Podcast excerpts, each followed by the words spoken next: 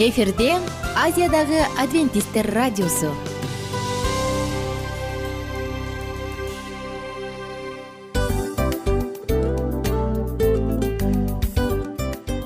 Достор салют.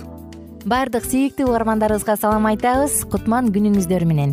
Ден соолук өмүрдүн булагы демекчи саламат саамы программасында баарыңыздарды көргөнүбүзгө абдан кубанычтабыз. Анда алгач амандашып өтөлү арбаңыздар деп. Ден соолугуңуздар кандай элибизде көбүнчө ден соолук кандай дегенде эле жакшы деп жооп беребиз э ооруп турсак дагы жакшы дейбиз. Анан мен муну айтып ойлойт элем бул абдан сонун сөз депчи анткени бул жакшы деген үмүт да э ооба баары жакшы болот баары сонун.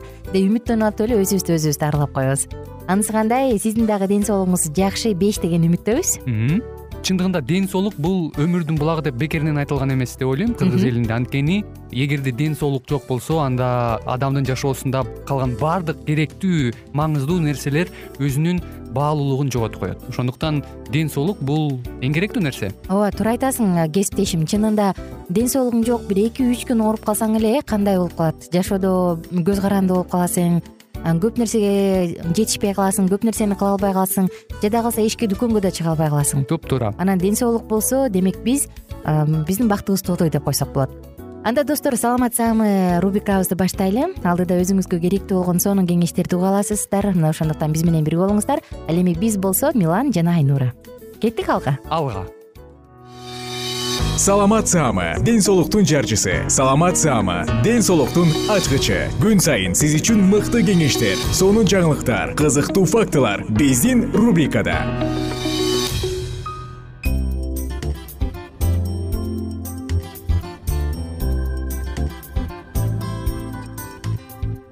салам достор. Жалпыңыздар менен кайрадан амандашып саатыбызды улантабыз. Аты жөнүм айнура миназарова. Саламат саамында бүгүн моюн булчуңдары үчүн гимнастика жөнүндө сөз кылабыз.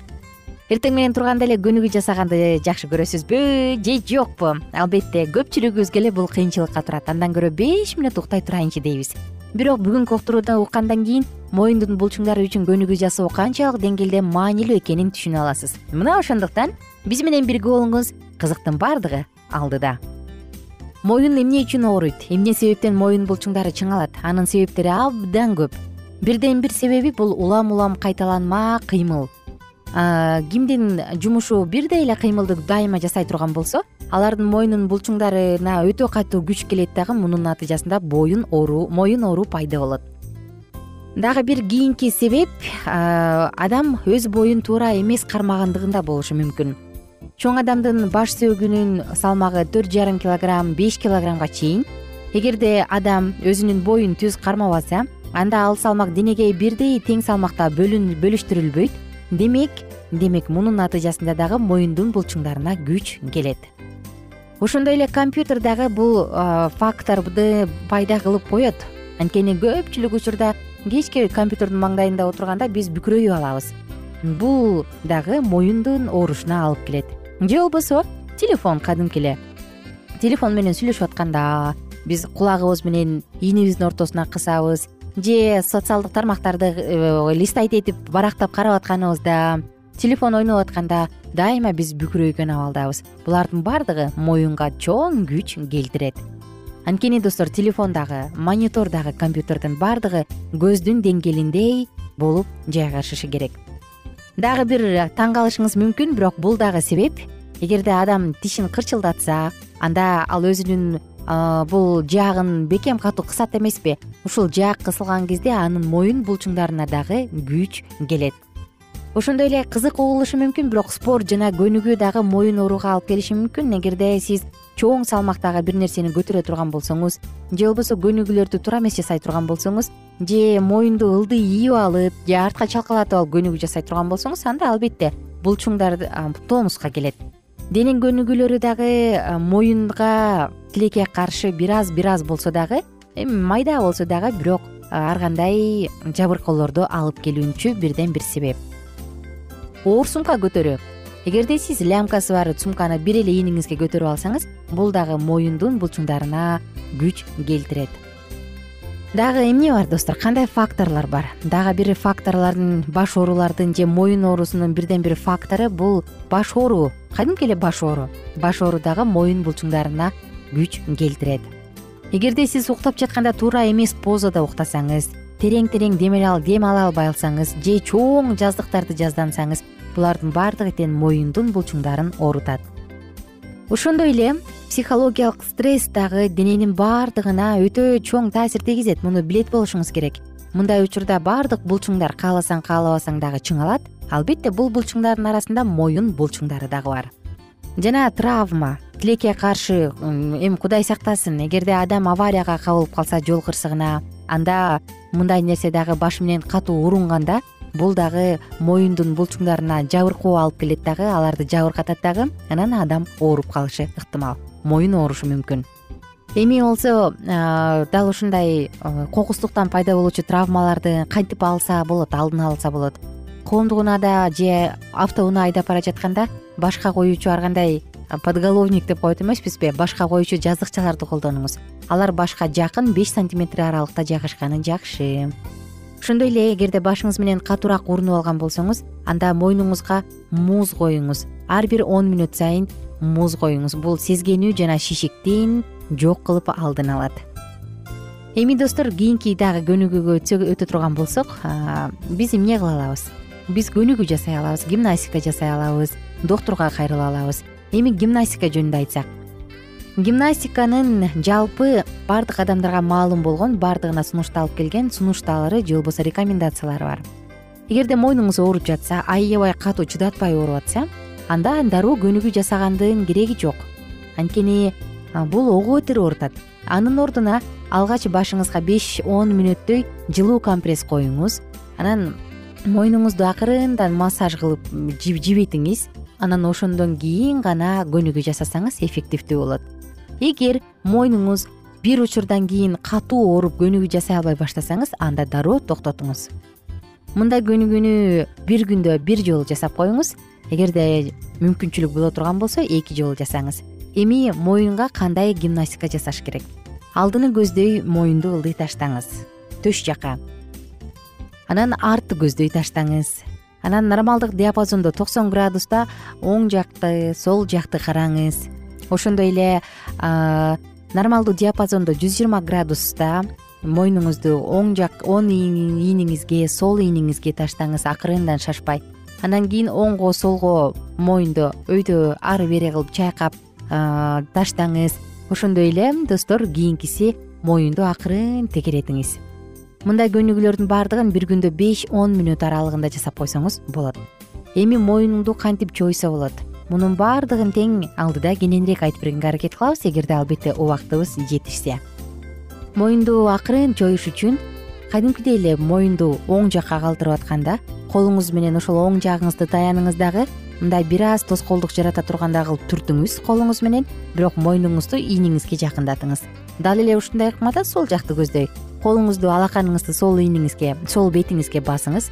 Башыңызды сол ийниңизге түртүп ылдый жакындатыңыз. Ал эми колуңуз менен тескерисинче каршылык жаратып өйдө карай түртүңүз. Бүгүнкү күндө интернет укмуштуу кереметтүү дүйнөгө баарыбызда жеткиликтүү мүмкүнчүлүк бар. Мына ошондуктан эгерде моюнга керектүү көнүгүүлөрдү кененирээк билгим келет десеңиз ал жактан караңыз. Албетте интернетти өзүбүздүн жакшылыгыбыз үчүн саламаттыгыбыз үчүн колдонсок дагы болот достор уктурууларды калтырбай угуңуз анткени алдыда дагы сонун маалыматтардын баардыгын бир гана сиздер үчүн айтып беребиз. Оорубаңыздар эч качан башыңыз дагы мойнуңуз дагы булчуңдарыңыз дагы оорубасын.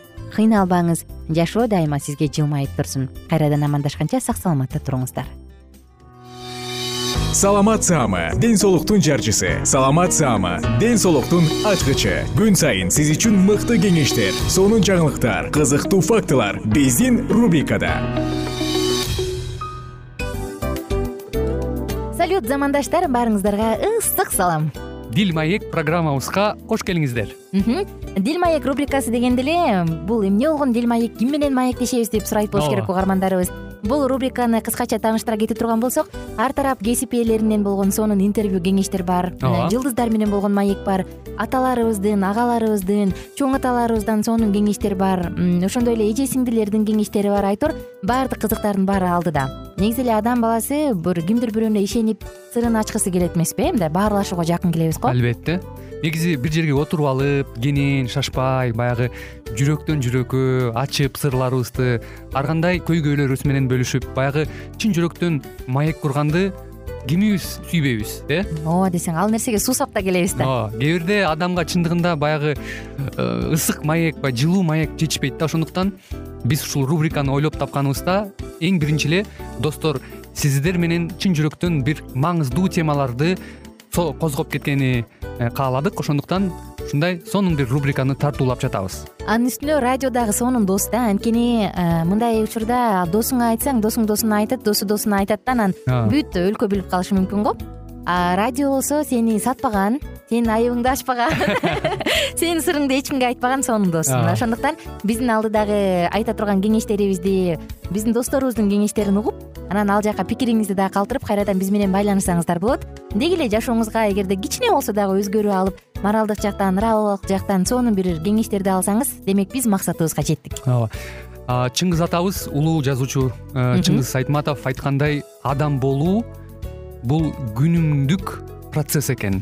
Күн сайын адам бойдон калуу бул адамзатка эң эле кыйын дейт э? э эң кыйын дейт. Чындыгында бунун э, негизинде адамдын эң баягы сапаттуулугу адамдын э, адамгерчилиги жана көптөгөн керектүү нерселер. Мына ошол темалар дагы бизде ушул дил маекте биз аларды да козгойбуз. Ден соолук жөнүндө да сүйлөшөбүз. Сөзсүз түрдө анан милан мырза негизи айтып коюшат го. Биз көбүнчө эмнени ойлонсок? Ошол нерсеге карата иш кылабыз го. Ооба. Анан анысы кандай? Балким бул радио баракчада кимдир бирөөнүн оюн текшергенге жардам берет кимдир бирөөнүн жүрөгүн текшергенге жардам берет. Балким кимдир бирөөгө жашоонун маңызын тапканга жардам берет айтор кызыктын баары алдыда бул жөн гана кыскача жарнама анда угармандарыбыздын баардыгын кийинки рубрикабызга чакырабыз. Ал эми кызматта маңдайымда отурган кесиптешим милан жана мен айнура. Анда эмесе биз даярдаган терең терең ойлор менен таанышууга кеттик. Алыс алыс баралык. Анда эмесе достор биз менен бирге болуңуздар. Алдыда эң кызыктуу маалыматтардын баардыгы бир нече мүнөттөр бою жалгыз гана сизге арналат. Мына ошондуктан жакшы маанай менен угууну каалайбыз. Үн алышканча. Жөнөдүк. Ар түрдүү ардактуу кесип ээлеринен алтын сөздөр жүрөк ачышкан сыр чачышкан сонун маек дил маек рубрикасында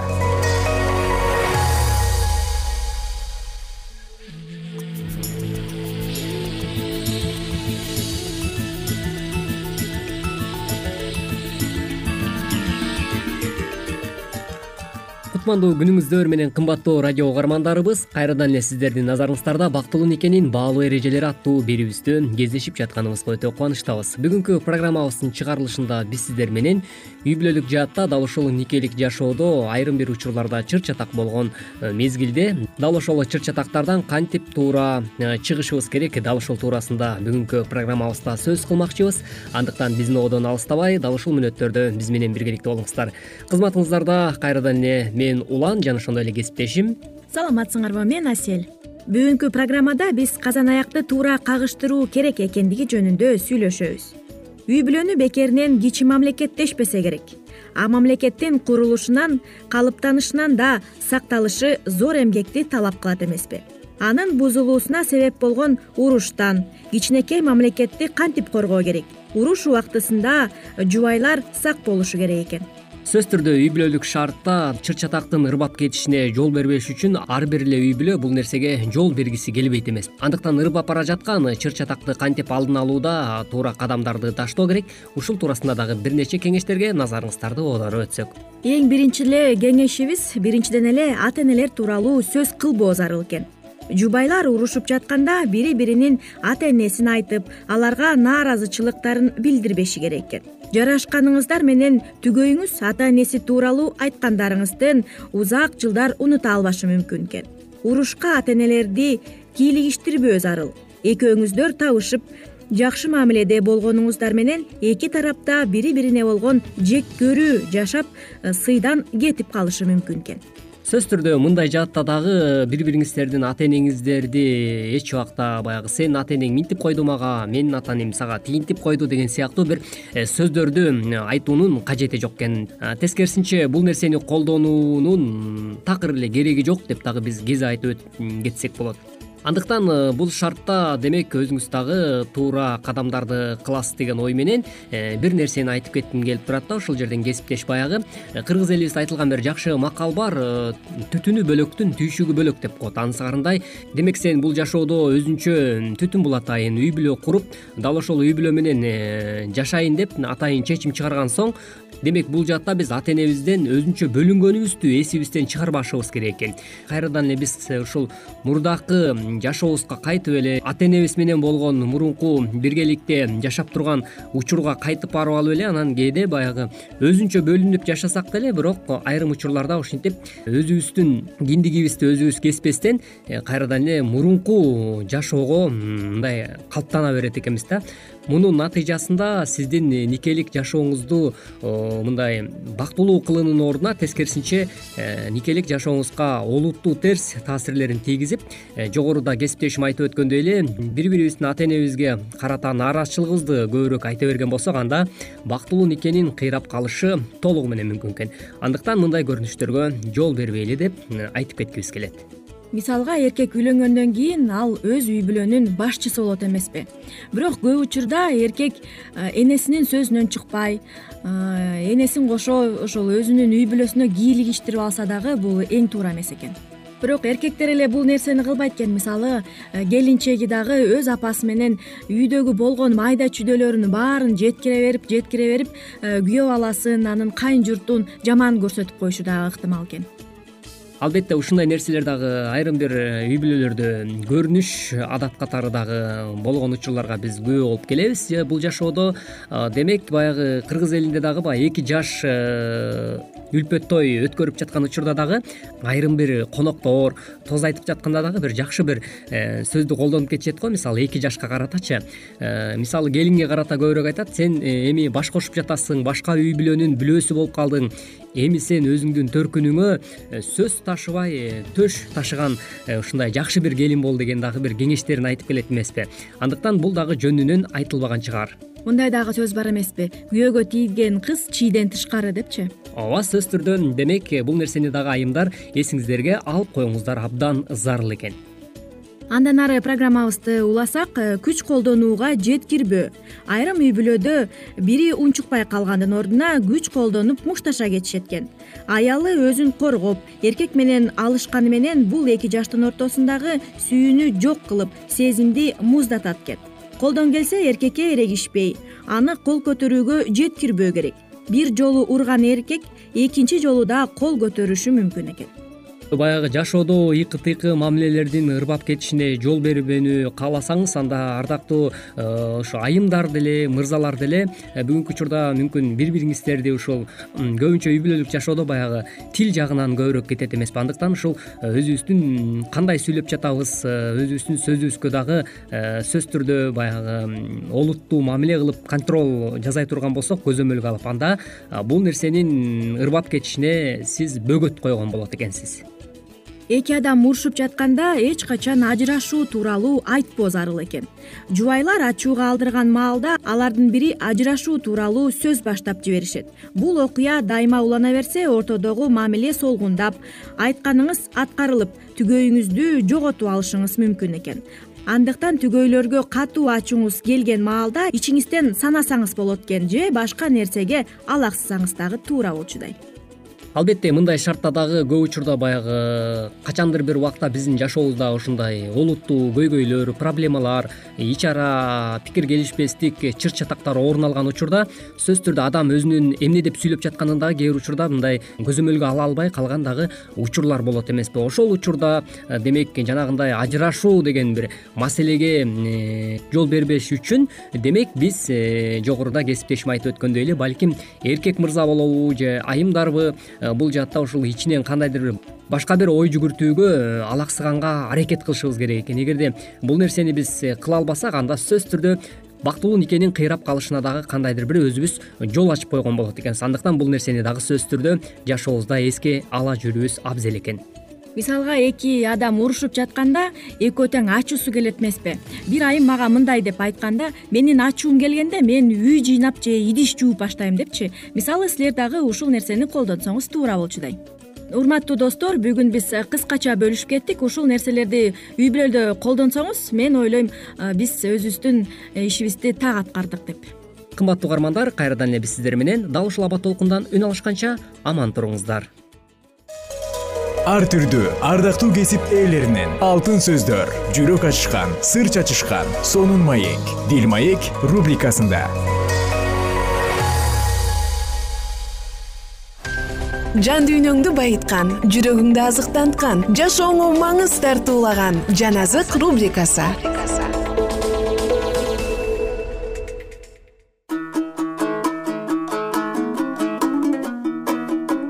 саламатсыздарбы достор? Жалпы угармандарыбызга дагы бир ирет сагынычтуу салам айтабыз дагы сиздер менен бирге жан азык уктуруусунда куткарылуу тарыхы деп аталган сонун китебибизди улантабыз. Автору елена уайт биз менен бирге болуңуздар. Бүгүн мурунку уктуруубузду андан ары улантабыз. Биринчи бап көтөрүлүш. Өзүнүн кудайга каршы козголоңу ишке ашып аны жактаган күч көбөйүп бара жаткандыгын көрүп люцифер эми бардык периштелер ал тарапка өтө тургандыгына үмүттөндү эми ал кудайдын өзүнө теңдеш болот. Ал эми баардык асман жамааты анын бийликтүү өкүмдөрүн кыйшаюусуз аткарып турушат. Кудайга ишенимдүү периштелер анын бул кудайга баш ийбестигинин акыры жакшы болбостугун дагы айтышкан асман периштелердин жараткандын өзү өз бийлиги менен аны бардык укуктан ажыратып кое ала тургандыгын жана кудуреттүү бул козголоңду үрөйдү учурган көтөрүлүштү жок кылып кое ала турган күчкө ээ экендигин айтып ишендирүүгө аракет жасашты. Акылга сыйбастык жаратылган жаратылыш өз жаратуучусуна каршы чыгып жатат. Жана кудай кандай ыйык болсо ошондой эле ыйык болгон кудайдын мыйзамдарын аткаргысы келбейт. Кудайга ишенимдүү периштелер люциферди ээрчиткен периштелерге анын тилин укпагыла жалган айткан өкүмүнө кошулбагыла. Андан көрө баарыңар кудайга барып ката кетиргениңерди өз мойнуңарга алып тобо келтиргиле. Анткени жогорку бийлик бир гана кудайда деп ишендирип жатышты. Люциферди ээрчиген периштелердин көпчүлүгү ишенимдүү периштелердин айткан сөздөрүнө кулак салып алар айткандай кылып кайрадан кудай атанын жана анын уулунун ишенимине кирүүнү каалашкан. Бирок башкы козголоңчу аларга мындай деди. Мен кудайдын мыйзамын изилдедим эгерде кайрадан кудайга кул сыяктуу баш ийип табынсак дагы ал биздин башкы ээлеген ордубузду берип бизди кадырлабайт. Люцифер өз жолдоочуларына дагы мындай деди. Биз кайрылбас жагына кеткенбиз. Ошондуктан кандай болсо дагы татыктуу тосууга даярбыз. Бирок кудай уулунун алдында кул сыяктуу эч качан табынбайбыз. Эми кудай мени да силерди да эч качан кечирбейт. Ошондуктан өз эркиндигибизди талап кылып жана кудай өз эрки менен бербеген бийликти күч менен алууга аракеттенебиз деди. Мына ушундайча жылдыздардын жаркыны аталган кудайдын даңкын көрүүгө татыктуу болгон кудайдын тагынын алдында турган периште люцифер кудайдын мыйзамын бузуп кудайдын каршылашы шайтан болуп калды. Ишенимдүү периштелер болгон иштин чоо жайын айтуу үчүн токтоосуз кудайдын улуна барышты. Бирок ата менен уул ушул ишти кандай кылып жакшы жагына чечсе боло тургандыгын талкуулап жатышкан. Кудайга ишенимдүү периштелердин ийгилиги үчүн өзүмчүл шайтандын ишин биротоло асмандан жок кылууга чечим кабыл алышты. Кудуреттүү кудай албетте бул козголоңчу периштени асмандан бир ооз сөзү менен эле жок кылып коймок. Бирок бул анын планына кирген эмес. Ошондуктан кудай козголоңчу люцифердин күчүн кудай уулунун жана ага ишенимдүү периштелердин күчүнө каршы коюу туура деп чечти. Бул күрөштө ар бири асман тургунунун ал көз алдында өз эркин тандап алышмак. Шайтанга кошулуп кеткен периштелердин жанында жүрүү башкалар үчүн коомсуз эмес эле. Кудайдын мыйзамдарынан билип туруп баш тартуу эмнеге алып келе тургандыгынан алар сабак алыш керек болгон. Эгерде кудай өз күчүн колдонуу менен бул адилетсиз козголоңчуну жазалап кое турган болсо анда люциферди анын козголоңунда дагы кайсы периштелер колдоп жатышкандыгы аягына чейин билинбей калмак. Ошондуктан кудай башкача чечим кабыл алды. Жана ал өзүнүн адилеттигин жана калыс жазасын бардык асман тургундоруна көргөзүүнү каалады. Асмандагы күрөш. Кудайдын башкаруусуна каршы козголоң чыгаруу эң жаман кылмыш болгон. Асмандагылардын бардыгы бул кыймылга аралашып жатышкандай сезилди. Периштелер бөлүк бөлүк болуп катарга турушуп ар бир бөлүккө башчы периштелер дайындалып жатты. Кудай уулунун бийлигине баш ийүүнү каалабастан өзү жогору болууну каалап шайтан кудайдын мыйзамына каршы күрөш баштады асман жамаатынын бардыгына кудай атанын алдына чогулууга буйрук берилди. Ошондо шайтан дагы келип уялбастан кудай ыйса машаякты эмес аны көтөрүш керек экендигин асман тургундарынын алдында жарыялайт. Менменсинүү менен текебердикке толгон ал аны кудай сыяктуу эле кадырлаш керек экендигин талап кылат. Кудайга ишенимдүү периштелер анын адепсиз сөзүн жана мактанчаактык менен сунуш кылган талабын угушканда көздөрүнө жаш алып ыйлашты. Эми шайтан жана анын жактоочулары асманда калууга болбой тургандыгын кудай жарлык кылат алардын бактылуу жана ийгиликтүү жашоосу бир гана акылдуу жаратылган жандарга берилген. Мыйзамга тиле алчаак болгондо гана боло тургандыгына шарт коюлган. Бирок мыйзам ким аны бузууга батына турган болсо аларды куткарууга негизделген эмес. Шайтан болсо күчөгөндөн күчөнүп өз көтөрүлүшүн уланта берди. Жана жараткандын мыйзамын жек көрүп жаткандыгын ар түрдүү кылып билгизип көргүздүрдү периштелерге эч кандай мыйзамдын кереги жок. Жана алар өз каалаганындай эле эркин иш кылыш керек. Анын айтканы боюнча алар ар дайым жакшы иштерди гана кылганды билишет деп сөзүн бекемдеген. Ал эми кудайдын мыйзамы алардын эркин кысып жатат. Жана ошондуктан алардын көтөрүлгөнүнүн себеби бул мыйзамды жеңилдетүү. Асман тургундарынын бактылуу жашоосу бул мыйзамга толук баш ийүүгө шартталган эле. Шайтан асманда козголоң чыгарганга чейин ар бир периштенин өзүнүн аткара турган иши болуп асманда кандай гана иш болбосун алардын аткарган ишинен толук келишкендик билинип турган. Асманда мына ушундайча согуш башталды. Асман мырзасы болгон кудайдын уулу жана анын ишенимдүү периштелери козголоңчу люцифер жана анын жактоочулары менен күрөшүүгө чыгышты. Кудайдын уулу жана анын ишенимдүү периштелери жеңишке жетишип шайтан жана анын жолдоочуларын асмандан кууп жиберишкен. Ошондо бардык асман жамааты адилеттүү кудайга даңк айтышып ага табынышкан. Асманда козголоңдун тагы дагы жок калган. Кайрадан тартип тынчтык жана келишемдик өкүм сүрдү. Асман периштелери мурда алар менен бирге козголоңсуз кубанычка жана бакытка батышып жүргөн. Азыр араларында жок периштелердин жашоосу үчүн кайгырышкан достор саатыбызды ушул жерден токтотобуз дагы кийинки уктуруубузда бирге улантабыз. Күнүңүздөр көңүлдүү улансын.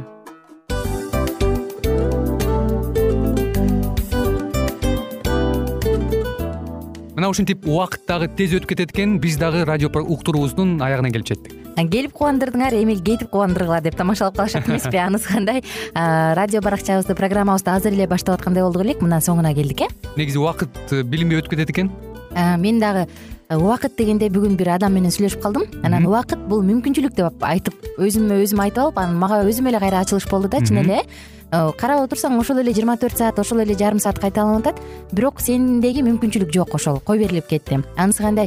Бүгүнкү сонун убактыңызды алтындай болгон жарым саатыңызды бизге бөлүп арнаганыңыз үчүн ыраазычылык айтабыз анан жашооңуздун кайсы бир сферасын өзгөртө турган сонун пайдалуу кеңеш алган болсоңуз анда биз максатыбызга жеттик. Анан ушул нерсени кылбасам десеңиз ошол өзгөрүүлөрдү кичинекей кадамдардан баштап иш жүзүнө ашырыңыз дагы жашооңузда чоң чоң ийгиликтерге жетиңиздер. Чын жүрөктөн ар бир берилген кеңештер сөздөр сиздерге пайдасын алып келет деп ишенебиз. Жана кийинки уктурууларда сөзсүз түрдө чыдамсыздык менен сиздерди күтөбүз сагынычтуу салам айтып кайрадан дал ушул жыштыктан баардыгыңыздарды тосуп алганча кызматта мен айнура жана кесиптешим милан. Анда кол булгалайбыз жалпыңыздарга ийгиликтүү күн. Саламатта калыңыздар.